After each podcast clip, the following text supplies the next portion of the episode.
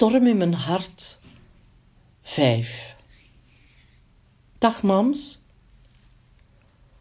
Het gaat niet. Dat zei ik tegen mezelf in de spiegel. Die niet had te maken met mijn werk deze morgen. Een uitvaart van een vrouw van 66 die na twee jaar vechten tegen kanker de strijd moest opgeven. Herkenbaar?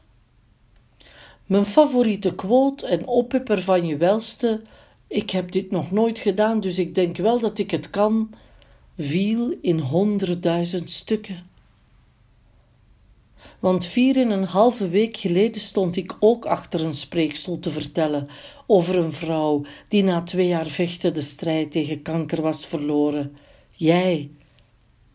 En dus ging het niet. Er flitste heel veel belachelijke excuses door mijn hoofd. Op één. Ik bel om te zeggen dat ik naar de spoed moet. Nummer twee. Ik laat gewoon niets weten. En ze lossen het maar op. Dan drie. Ik ga en stort ineen ter plekke in de aula. Vier. Ik rijd onderweg expres tegen een paal. Lichte tik, weliswaar.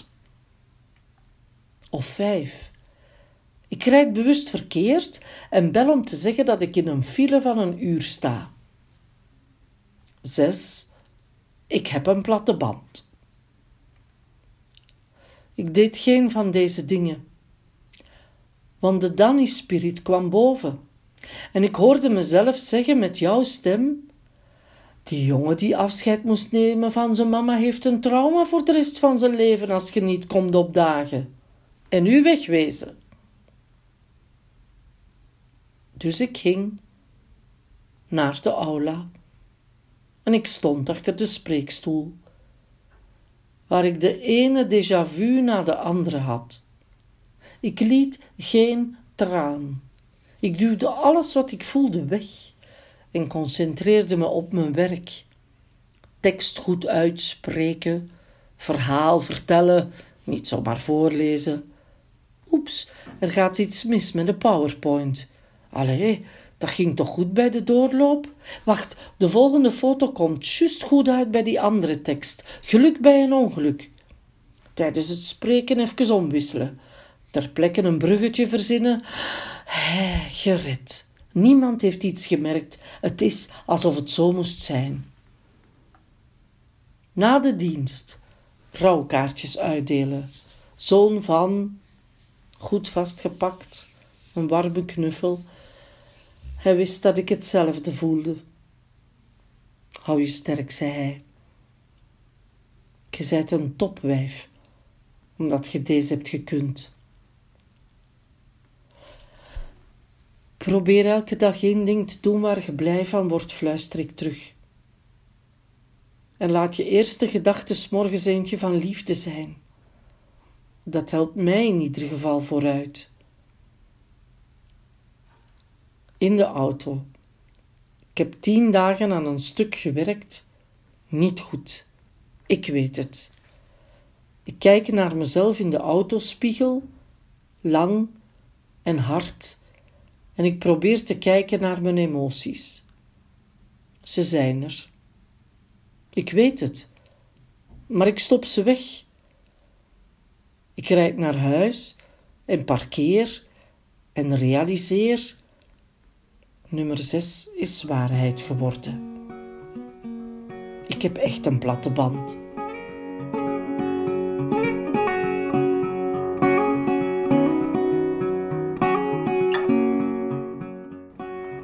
Herinner mij deze uitvaart echt nog heel goed. Ook omdat ik op voorhand niet wist dat het dus een vrouw zou zijn die na twee jaar vechten overleden was aan kanker. Het was namelijk zo dat de uitvaartondernemer waar ik toen nog voor werkte, die belde gewoon op en die zei: Kan je volgende week donderdag? En dan zei ik ja of nee. En als je ja zei, dan stuurde die alle informatie toe. Maar die ging er gewoon vanuit dat ik dat wel kon. En dat was natuurlijk ook zo. Dus het was pas toen ik bij de zoon was, en dat was nog een jonge kerel, die was nog maar begin de dertig, en die was altijd alleen geweest met zijn mama. Maar het was dus toen ik ehm, bij die zoon kwam in het huis van zijn mama en het verhaal hoorde dat ik echt zoiets had van dit komt echt wel heel dichtbij. En ik vond dat ook zo bizar dat van alle uitvaarten die ik al heb gedaan in mijn leven, en dat zijn er echt meer dan 2000, van alle uitvaarten, dat dan net die uitvaart moest zijn die ik heb gedaan vlak na het sterven van mijn mama. Ik dacht toen echt van, wat, wat is dit? dit?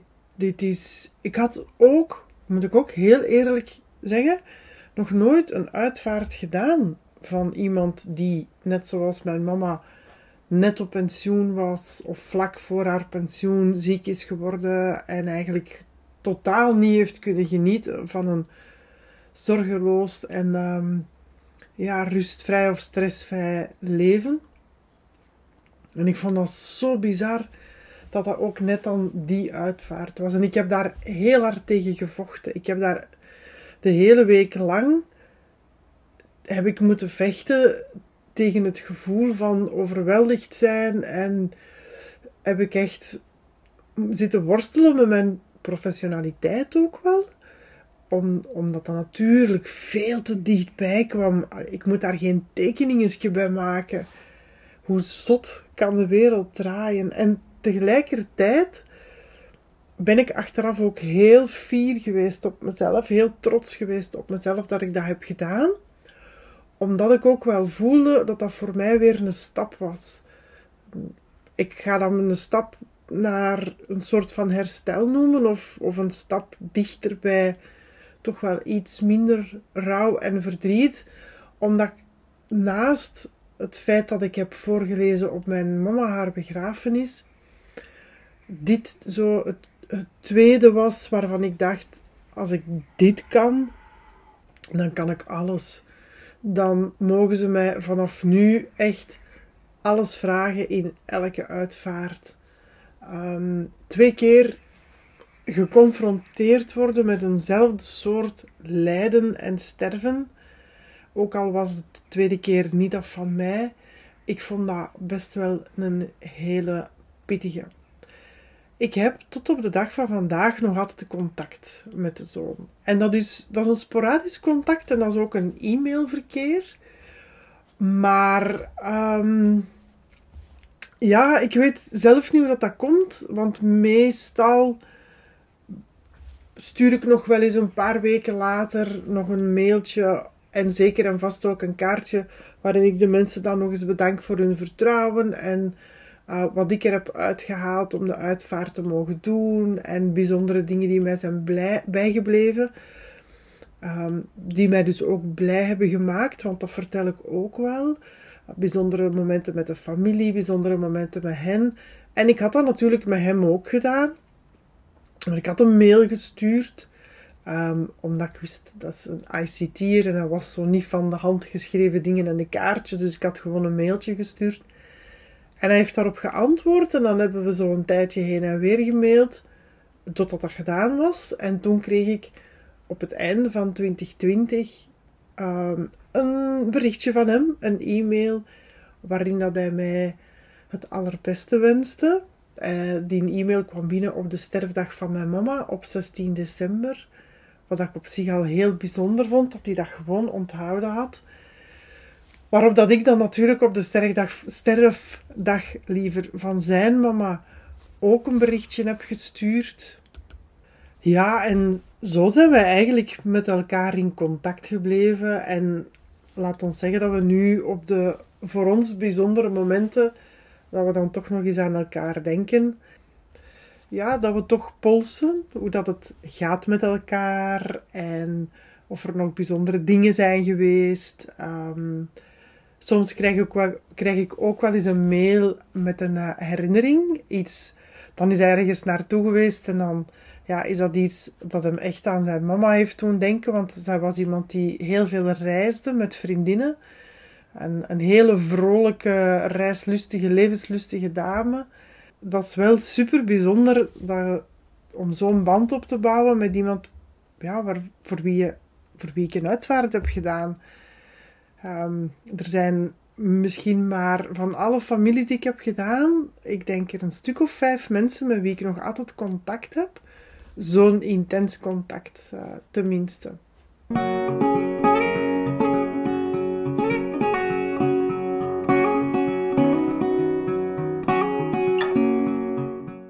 Nu, ja, terug gaan werken, ehm, dat was hem niet. Ik ga dat heel eerlijk toegeven. Niet zozeer omdat ik er al lang uit was, maar wel omdat heel mijn wereld veranderd was en mijn manier van denken veranderd was. En ik weet van mezelf dat ik iemand ben die heel lang uh, rouw.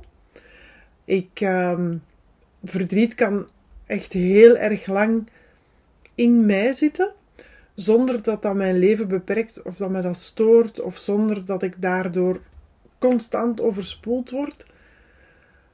Maar ik, ik heb al heel wat verliezen gekend, van kleins af aan ook. En eigenlijk heel veel verlies in een hele dichte omgeving.